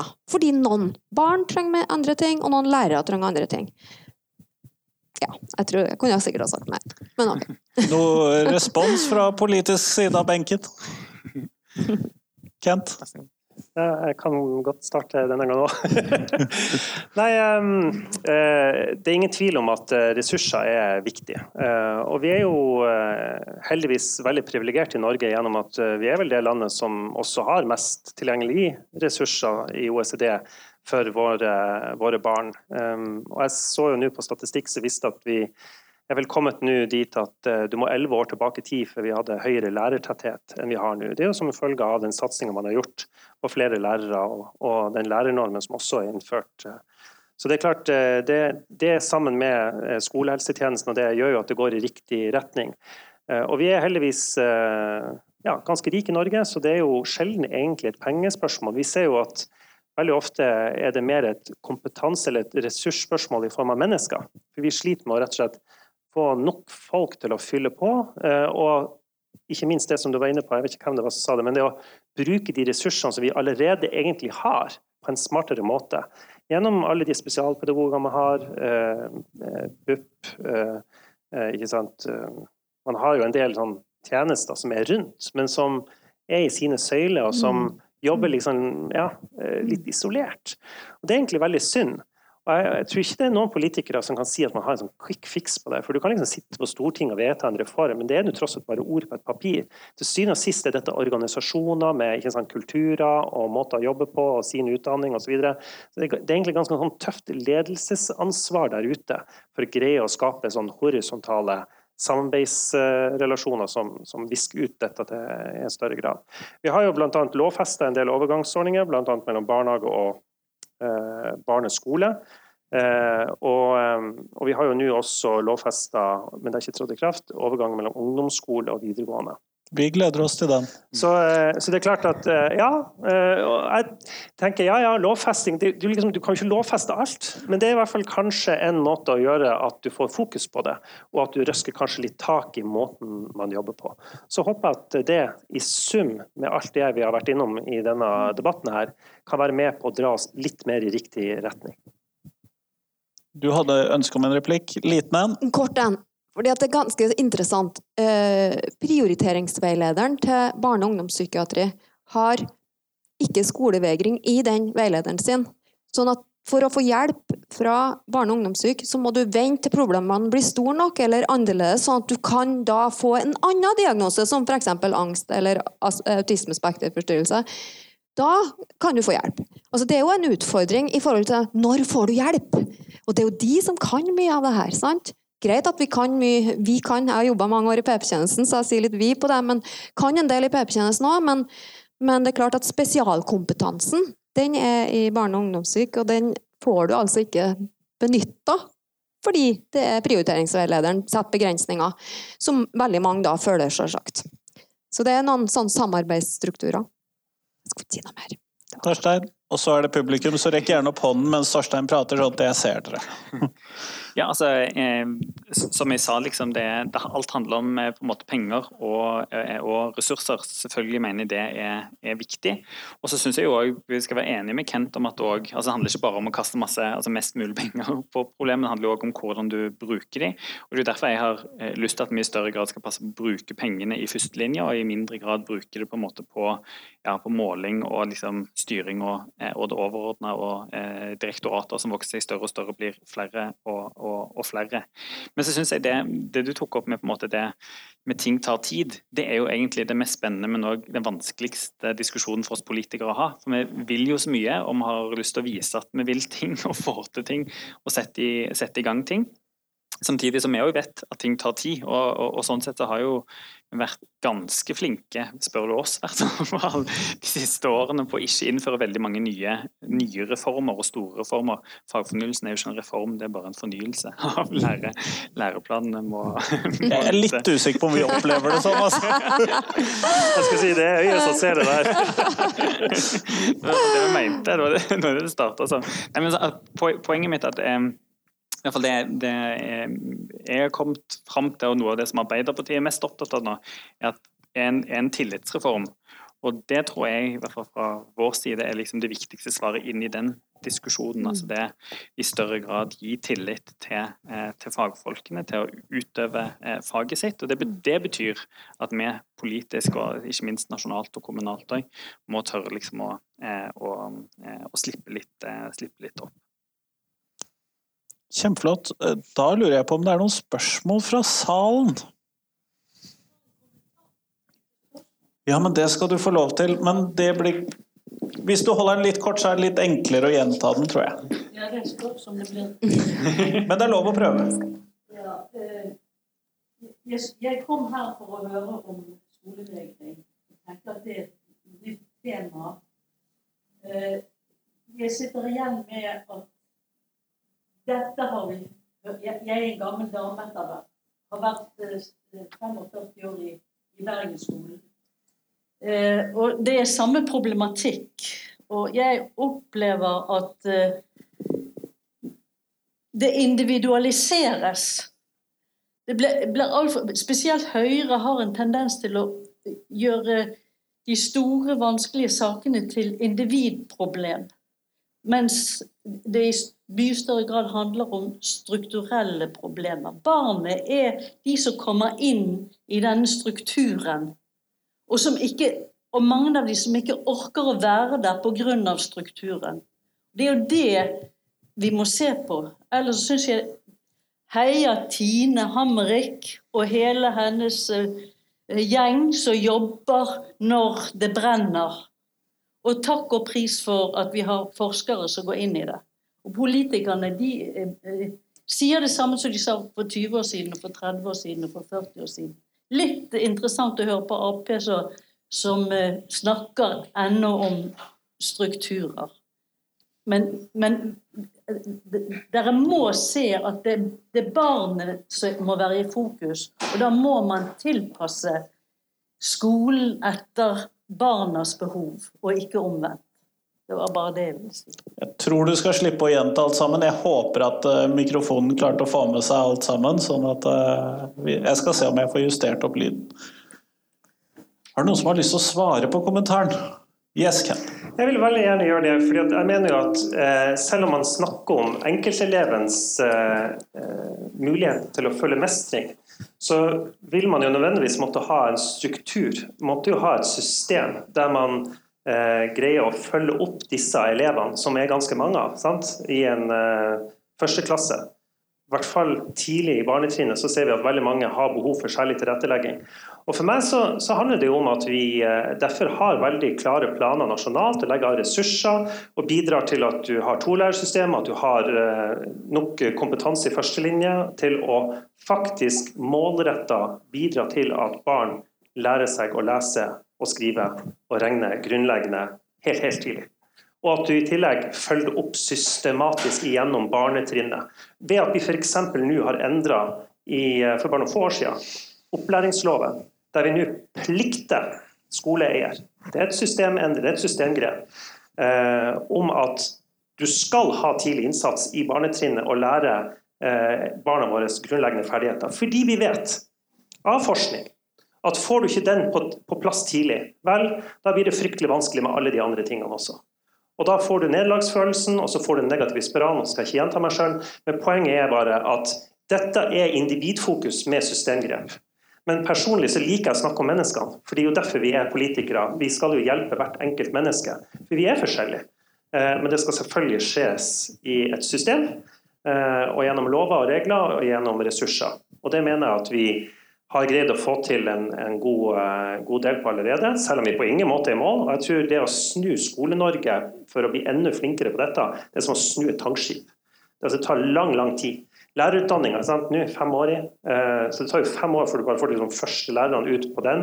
Uh, etter videreutdanning kan du gjøre en del på, men det tar jo også ti år, det. Sant? Du skal tilbake, du skal endre kulturer i en skole, du skal endre måter å jobbe på. Dette tar tid. Men resultatene så langt er jo at uh, nå går én um, av seks, mens bare for noen år siden så var det én av fem som gikk ut av norsk grunnskole uten å kunne lese og skrive skikkelig. Så ikke bra nok, men på rett vei. Og jeg håper at dette er en kurs som bare fortsetter i den retninga, for da betyr det jo at vi heldigvis gjør noe rett på systemnivå i norsk eh, skole. Torstein, du ba om en kort replikk hvis jeg tolket ja, symbolgivningen din. Men det stemmer. Jeg, jeg tror du har helt rett. Jeg tror en ser en økt individualisering i, i skolen. Og det gikk en ganske spennende diskusjon eh, i helga, når Venstre hadde landsmøte, der Steffen Handal på et Facebook trakk opp litt det samme, leder i Utdanningsforbundet, fordi eh, han pekte på at Venstre sitt program eh, på skole i enda større grad individualiserte i, eh, i, i skolen. Eh, og jeg tror at det har blitt mer individualisering, litt sånn som jeg, jeg snakket om også, fordi skolen speiler samfunnet og har blitt et litt sånn mer individfokusert eh, samfunn. Så det er derfor jeg på en måte har tatt ord for at vi trenger òg det handler om strukturen, og må, vi må på en måte skifte hele skolen og breie ut kunnskapssynet skal vi klare å gjøre noe med dette. For det holder ikke med noen enkeltplikter, på en måte. Har vi noen eh, flere spørsmål fra salen? Ja. Jeg òg har en kommentar. Eh, for du sier det er satt ekstra fokus på barnetrinnet og småtrinnet, og det er jo veldig bra. Jeg jobber på ungdomstrinnet. Eh, det er en del problemer man kan løse ved å kaste penger på dem. Eh, vi må snu det, og det tar som du sier, snu tangskip tar tid. Disse ungdommene lever nå. Så de ungdommene som jeg har på skolen i år, det hjelper ikke at skolen er bedre om fem år eller ti år. De trenger hjelp nå. Hvis jeg går til min leder og sier jeg trenger assistent i denne klassen, for jeg rekker ikke over, så handler det om penger. Om jeg får ja eller nei, handler om penger. Noen problemer kan løses ved å kaste penger på dem. Vi har gode mennesker på skolen som kan være i timen med meg og som vil gjøre en forskjell. Men de har ikke høy nok stilling til at jeg kan få den timen. Det er et rent økonomisk problem. Hva tenker du da når du sier at dette handler ikke om penger? Ja, Kent? Ja, ehm, jeg tenker jo at eh, litt ut av utfordringa for vi som sitter på Stortinget, er jo at vi ikke er skoleeiere. Det er jo kommunene og fylkeskommunene som er det. Så det er jo de som på en måte prioriterer skolebudsjettene. Og Jeg har jo lagt merke til eh, debatten her i Bergenskolen, vi har noe tilsvarende i Tromsø. Eh, og Det er egentlig veldig synd at man ikke i større grad prioriterer skolebudsjettene. Eh, fordi når vi ser på, på statistikk, så har vel det, Jeg vil jo aldri si at det er romslig i Kommune-Norge, det vil jeg aldri noen påstå. Men Men det er faktisk Det har aldri vært så få kommuner som, som har vært på denne Robek-lista, som er en sånn god målepinne på hvor mange er det som sliter økonomisk. Så jeg tror nok at økonomiske handlingsrommet er eh, tilstrekkelig til at man kan, hvis man vil politisk, prioritere skole høyere lokalt. Og Derfor så tror jeg det er veldig viktig med lokalpolitisk engasjement, med fokus sant, på hvor viktig det er at man satser, og, og gjerne bruke eh, kanskje undersøkelser eller annet som viser noe om tilstand i Bergensskolen eller andre plasser, for å argumentere for hvorfor man bør satse ekstra. Så, eh, så det er på en måte mitt dilemma. da. Sånn vi kan eh, legge til rette med kommuneøkonomi, men til syvende og sist så er det kommunestyret i Bergen, eller bystyret, bystyret i Bergen eh, som må prioritere skole. Hvis ikke så måtte vi liksom overta skoleansvaret på Stortinget. Det tror jeg heller hadde vært så bra. For da hadde vi ikke sett eh, Eh, da hadde vi ikke kunnet greie å tilrettelegge for den variasjonen som er i et land som Norge, med både små og store kommuner.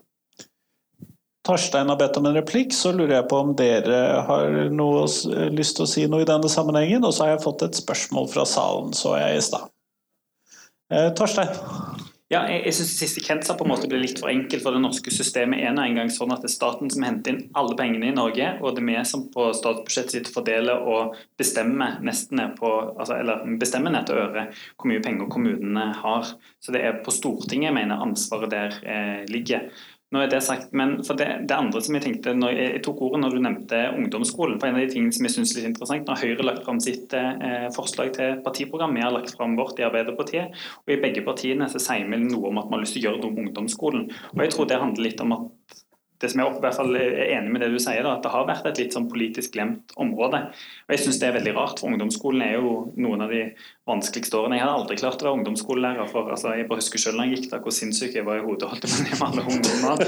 Altså, det, og det er så mye som skjer med ungdommer i den tida, og i tillegg så er det så viktige valg som skal tas, for det er de tre årene du skal på en måte bestemme liksom veien, veien din videre. og velge hva du skal gjøre på, på, videregående. Så jeg mener det er ekstremt viktig å få tatt grep om eh, eh ungdomsskolen.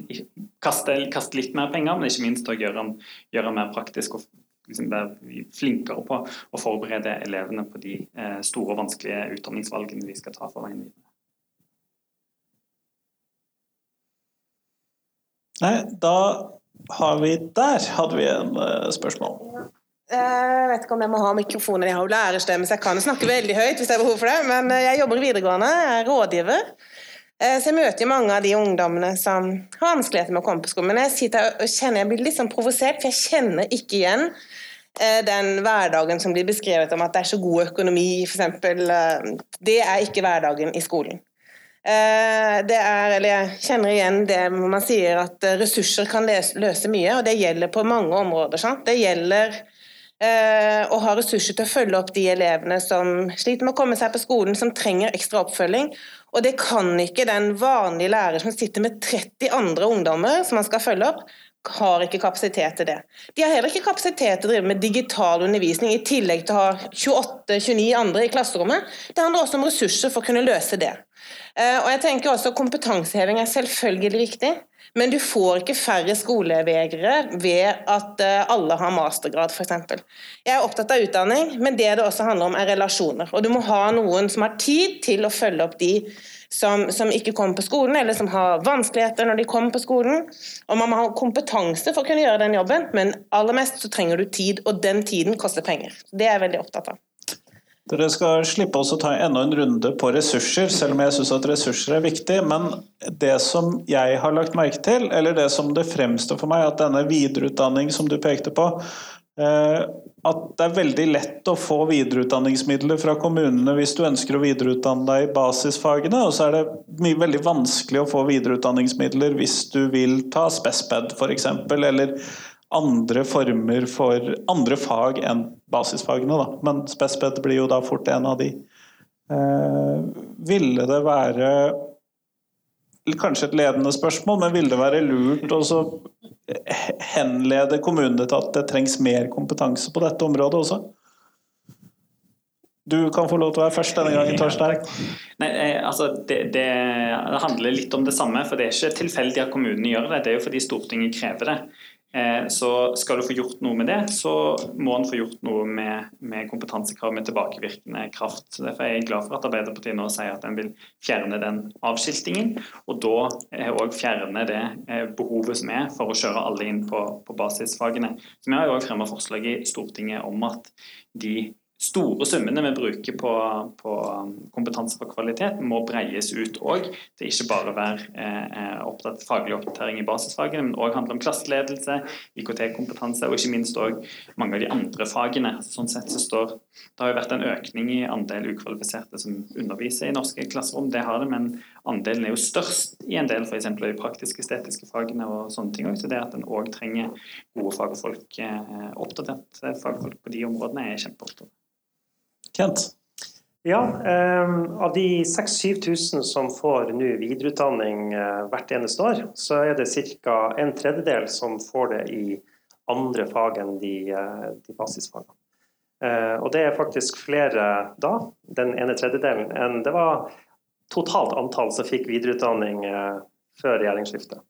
Sånn at eh, Det er jo viktig å putte ting litt i perspektiv, da, eh, tenker jeg. Men, eh, men, jeg tenker også at summen av dette er at vi får et kompetanseløft i norsk skole. Min holdning som politiker er at alle barn bør kunne møte en lærer med fordypning i det faget man underviser i. Og, Det er i dag 30 studiepoeng på barnetrinnet og 60 studiepoeng i det faget på ungdomsskolen og videregående. Så Det er den inngangen vi har. og Vi har i tillegg satsa veldig mye på rektorskole og lederutdanning. Og laga egne stipender som kommer på toppen av dette. Jeg tror det er ca. 1000 i året som får det tilbudet. Sånn at Det er et betydelig kompetanseløft. Men ikke sant, det igjen, det er på sida av alt det andre. Jeg er helt enig. altså Det er et ressursspørsmål. Det er jo derfor man eh, fikk på plass eh, lærernormen. Eh, vi syns normen var en dum matematisk tilnærming til det, fordi vi ønsker fleksibiliteten ute i kommunene. Men før den kom på plass, den normen, så hadde vi altså flere eh, hundrevis, ja tusenvis av lærere som var økt til norske kommunebudsjett. Og så er det jo dilemmaet som er når vi sitter på Stortinget, at det er kommunene som er skoleeiere med sine bystyrer og kommunestyrer. Eh, og enn så lenge så er det nå sånn at det er der prioriteringen gjøres. Eh, og så kan vi selvfølgelig ha en debatt om Stortinget burde eh, på en måte overprøve den styringa. Personlig så tenker jeg jo at det er litt vanskelig, og at normen langt på vei egentlig er litt det. Fordi du sier noe ikke sant, om et minimumsnivå. For det er jo det det er. Normen er et minimumsnivå, på ingen måte et maksimumsnivå. Og Det er fullt mulig for, eh, for skolene og, eh, eller si kommunestyrene å sette av ressurser for å kunne bedre tilrettelegge med, med, assistenter. Og Jeg vet mange gjør det. Jeg vet om skoler som har miljøarbeidere som drar ut. ikke sant? Og, eh, litt sånn som du, den historien som du fortalte. Jeg tipper at det er den, den type ressurser som jeg vet enkelte har satt av. Eh, og som er kjempebra. Jeg syns det er så bra. Eh, og jeg ønsker mer av det. Men jeg er litt usikker på om jeg skal sitte på Stortinget og si at skole A, B og C skal ha sånn. Altså, det går ikke. Sant? Vi må bare gi en rammeoverføring. Og så må man finne de gode lokale løsningene. Eh, og det varierer veldig. Eh, jeg vet at nordpå så sliter vi litt med å rekruttere av og til rett kompetanse. I hvert fall i de minste bygdene. Synd å si det, men sånn er det bare. Eh, men vi må være kreative, fremoverlent og så gi fleksibilitet til kommunene. og Det føler jeg at vi har greid en sånn høvelig balanse på. Men jeg er åpen for gode forslag. Potensiell lærermangel tror jeg er en helt egen debatt. Eh, men jeg tror Ja. Bare, jeg, her, jeg, jeg, er jo ingen politiker, og, og, nå snakker jeg litt sånn blanding forsker og, og og bare meg, Trude. Um, fordi at Én ting er jo ressurser, noe annet er liksom kompetanse. Altså, og Begge delene er viktig, tenker jeg. Men hvis, jeg har, uh, hvis, hvis, valget er to lærere i klassen, eller to dårlige lærere i klassen, eller én god lærer, så hadde jeg valgt en god lærer. Så det er ikke enten-eller, det er kanskje litt både òg. Altså, aller best er å ha to gode lærere.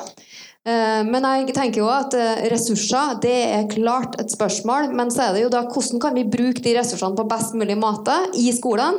Og, og bruke det hjelpeapparatet som er rundt, sånn som helsesykepleier. Brukes hun? Jeg har eh, gått litt inn i den der helsesykepleiers rolle i skolen fordi jeg har veileda litt helsesykepleier i master. Og det som er altså, som forundrer meg litt, er jo at det er helsesykepleier som nesten må be om å bli brukt. Fordi det ikke fordi hun eller han blir ikke brukt nok av skolen. Så det er noe med der òg, med samarbeid. Kjenner vi hverandres styrker? Altså, hva kan jeg bruke helsesykepleier til? Så kanskje jeg, tror, jeg er veldig sånn fra, men altså, I og med at ressursene er som de er, så tenker jeg hvordan bruker vi ressursene på best mulig måte, sånn som de er i dag. Og så kan vi ønske oss mer ressurser, sjølsagt.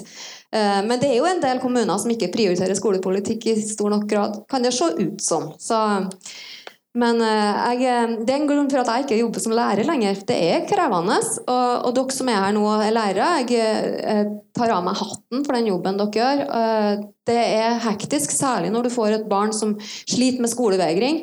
Hvis det er også foreldre her nå, så er det sånn at det er enda vanskeligere. Bare sånn at vi er klar over det. Jeg har intervjua ganske mange foreldre og snakka med mange foreldre. Det er tøft.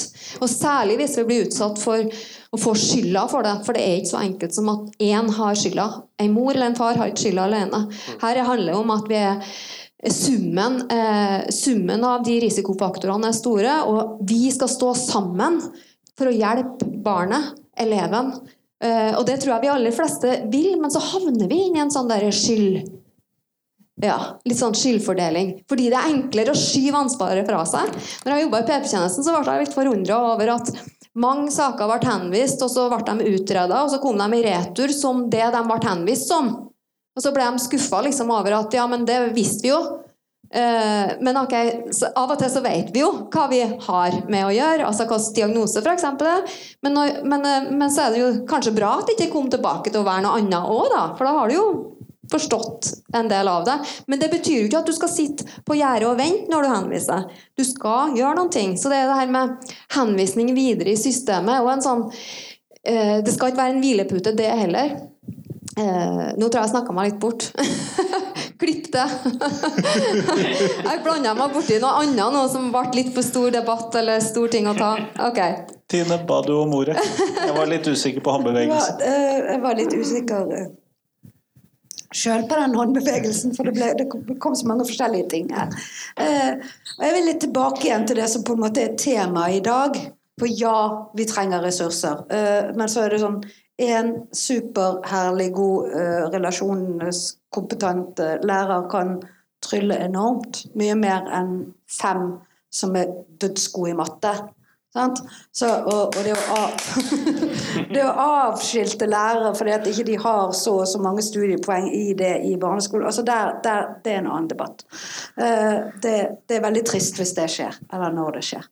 Uh, så det, det jeg tenker er at det vi må jobbe med, det er jo det at det blir fokus, både politisk, nasjonalt og langt ned og inn i hver skole, på at dette er faktisk et problem.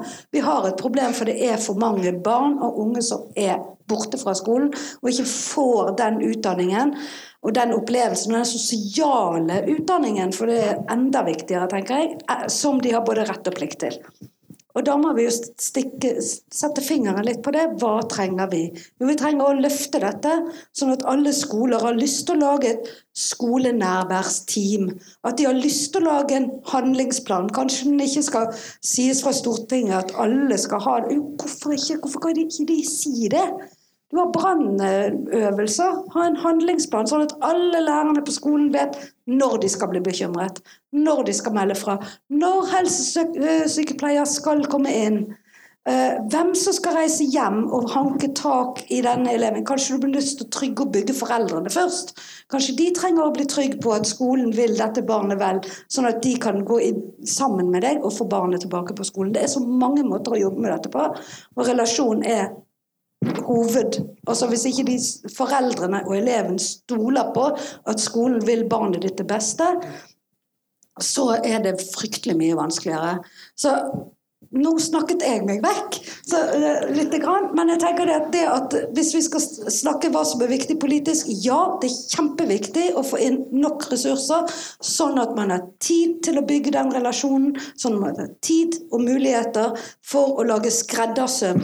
Fordi at lille Trine og lille Ole trenger to vidt forskjellige tilnærmelser for å bli trygg. Og så er det foreldrene til Trine og Ole. de trenger også, Noen trenger telefon hver dag, noen trenger mail, noen trenger at man tar en kopp kaffe sant, for å bli trygg. Og dette her, det er skreddersøm, for det er faktisk små barn og unge vi har med å gjøre. Det er små mennesker. Og eh, det er så synd når de blir tall. Ja. Jeg skal se om vi får tatt et siste spørsmål, så jeg stryker deg fra listen, Kent. Uh... Jep. Eh, Jeg heter Mari Kristine Morberg, jeg er mobbeombud i Vestland. Eh, Jeg ser jo også noen, noen av de eh, sakene jeg blir involvert i, eh, ender jo også som eh, skolevegringssaker. Men det jeg ville spørre om nå Tine, du sier at du ser en økning i, i saker, og da særlig i barneskolen. Og Trude sier at uforutsigbarhet er en risikofaktor i skolehverdagen. Og så lurer jeg litt på at Vi ser at i en del byrå, byer eller kommuner og skoler i Norge så eh, er det større grad av baseskoler og trinnorganisering. Tenker dere at det er en sammenheng her? Kanskje mest i fagpersonen. Ja. Altså, eh, jeg er heldigvis ingen forsker, eh, men jeg reiser rundt og ser mye. Og eh, både ja og nei. For hvis du er, altså, har vært på baseskoler og jobbet med elever som aldri i verden vil gå inn der hvor det er 90 elever i samme rom, og ikke alle vet hvor de skal, og du skal, du skal være på grupperom med den, og der er en lærer. Og, sant? Kjempevanskelig. Også med fagfornyelsen kommer det til å bli kjempevanskelig for en del av de elevene som får beskjed på at du skal undre deg og forske og så videre, og så videre, så du er livredd for å gå inn. Så der kan man miste noen. Men så treffer du de andre elevene som også sitter, sliter med fraværsproblematikk, som syns det er kjempedeilig å komme inn. fordi at det er 90 stykker, de blir ikke så synlige. Alle ser ikke hvem de er. De kan gjemme seg litt blant de andre. De har mye lettere tilgang til å gå bort liksom, og hviske litt til læreren sin uten at de andre ser det. Så ja og nei. Det er altså så, det er derfor jeg sier skreddersøm. Eh, veldig mange elever passer ikke på en baseskole, og veldig mange elever har det ikke noe særlig godt i disse gammeldagse klasserommene. Så hvis vi kunne tatt og plukket de og puttet de, så tror vi hadde hatt en fantastisk skole. Men jeg tror vi trenger begge typene skole. Kent har bedt om replikk. Har, eh, dette er jo ikke sånn nødvendigvis eh, politikk, eh, det er jo mye fag selvfølgelig. Men den forskninga som jeg har lest, da, den understøtter også min personlige holdning. Og det er det at baseskoler er virkelig ikke noe bra for noen. Verken de flinke elevene, eller kanskje for de flinke. For de klarer seg liksom litt uansett. Men de som syns det er greit å gjemme seg litt bort, vi må tenke litt igjennom ja, men hva gjør vi da for dem, da? Da får de jo lov til å gjemme seg bort. Sånn at Det vil være en stor bjørnetjeneste, og det, det er det også forskninga viser. Det at de som virkelig trenger eh, å bli sett, blir ikke det i en baseskole. Og det er livsfarlig. Så jeg gikk fra eh, på 90-tallet å være sånn Å ja, baseskole, spennende, eh, til å være helt mot det. Jeg vil ikke ha mine barn i en baseskole. Det mener jeg er skadelig. Det er min holdning til det. Kort replikk, Torstein. Ja, altså det er jo, dette er jo på en måte et spørsmål om alle de trendene som på en måte rir skolen, og hvor en skal være på studietur, om det er Canada, New Zealand eller Finland, liksom, og, og se på hvordan skolen skal være. Du glemte Sverige. Ja, ikke sant, Sverige. Er det det som er det siste? Nei, det er lenge siden. Ok. Nei, så, så sånn sett tenker jeg Det viktigste lærdom der er å passe seg for å hive seg for mye på trendene. Og kanskje spesielt de trendene som, som er skolebyggende, og som er liksom så, så strukturer. Da. Men i det så tror jeg kanskje i hvert fall en av de viktigste tingene jeg sitter igjen med, er at størrelse på skolene kanskje er det som trumfer mye av det. Altså jeg, har, jeg, jeg mener det er bra å ikke ha for store skoler, og altså at det blir for mye sånn sentralisering. og sånt, Det mener jeg også er en viktig ting vi må passe på. Akkurat hvordan veggene står, men det der at det, det er plass for både store og små skoler. Men ikke at de blir for store. Trude, hadde du et svar til Mari Kristine? Nei, jeg tror jeg, jeg, kjenner ikke forskninga godt nok til at jeg kan svare akkurat på det. Men jeg tror jo det er et poeng det du sier. Det kan være bra for noen og ikke bra for noen. Men den forskninga du viser til, kjenner jeg til. Så jeg har ikke så lyst til å si så mye mer. Men mm. Men da går jeg til det siste spørsmålet mitt. eh, For vi skal avslutte podkasten sånn som jeg alltid avslutter podkasten. Og det er med det faste spørsmålet, som for tiden er hva er de tre viktigste tingene som skolen lærer elevene? Og Kent, du skal få lov til å starte. De tre viktigste tingene, Ja. det er eh, sosial kompetanse, eh, grunnlegg, eh, grunnleggende ferdigheter um, Og da forutsetter vi at alle vet hva de er, så det er greit. Ja, ja. Det, jeg regner med denne forsamlinga har ganske god kontroll på det. hvis jeg... Tredje tingen Jeg burde ha forberedt meg litt bedre på dette, innser jeg. Det handler kanskje litt under sosial kompetanse, men jeg, jeg sier likevel relasjonskompetanse. Fordi jeg tenker det er en liten nyanseforskjell der som er ganske viktig. Torstein? Eh, nei, Øverst min liste er å bli sånn gangs at det, det, er med, og ikke minst liksom at ulike, å lære at ulike mennesker lærer på forskjellige måter. Og at skolen er et sted der en, eh, der en møter nettopp disse ulike menneskene og, og ser det. Eh, og eh, ikke minst verdien av fellesskap. Det tror jeg kanskje absolutt egentlig er det viktigste. Tine, hva er de tre viktigste tingene skolen lærer elevene?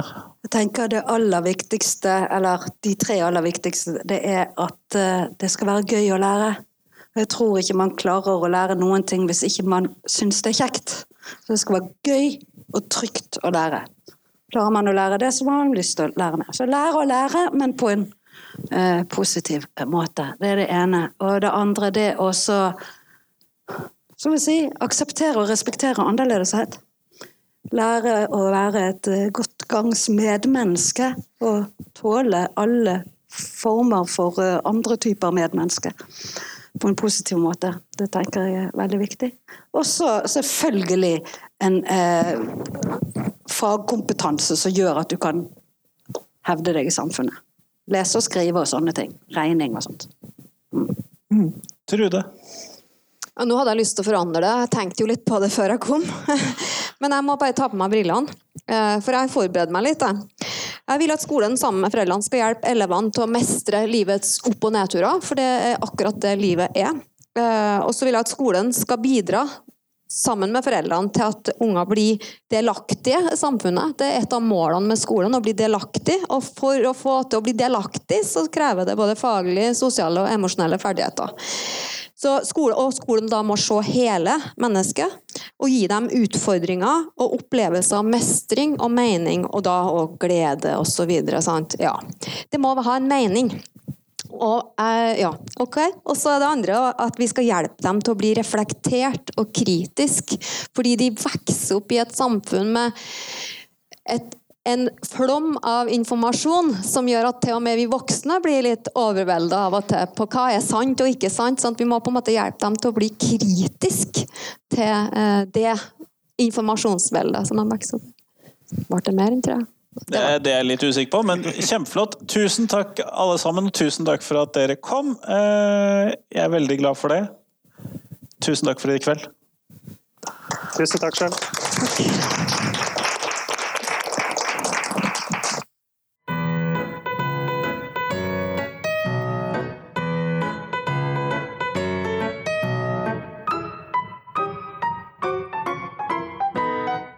Tusen takk til Trude, tusen takk til Tine, tusen takk til Kent og tusen takk til Torstein for at de var med på debatten. Tusen takk til de som satt i publikum og bidro med, bidro med spørsmål. Og tusen takk til deg som hørte på hele denne lange podkasten. En og en halv times podkast er ikke vanlig fra min side, og det tror jeg ikke det skal bli heller. Ellers så har jeg reservert fire nye datoer for livepodkaster i Bergen, på Bergen offentlige bibliotek. Og jeg håper at uh, hvis du har et tema som du tenker at dette må du ta opp på en livepodkast, dette må du få til i en debatt eller et panel, send meg det temaet, for da skal jeg prøve å få det til å skje. Så det blir en gang i desember, en gang i mars, en gang i eh, juni og en gang i august, som jeg foreløpig har booket tidspunkt for. Så send meg et tema du tror blir gøy som livepodkast. Eh, gjerne også med hvem du har lyst til å høre snakke om det temaet. Men jeg blir kjempeglad for det. Og så vil jeg bare gjenta, jeg er superstolt over å bli sponset av Cappelen Dam Undervisning. Gå på Cappelen Dam sin hjemmeside og se hvilke læremidler som de har til deg i dine fag. Men i hvert fall, fram til tirsdag, da kommer det en ordinær episode. Ha en fin helg. Hei, hei.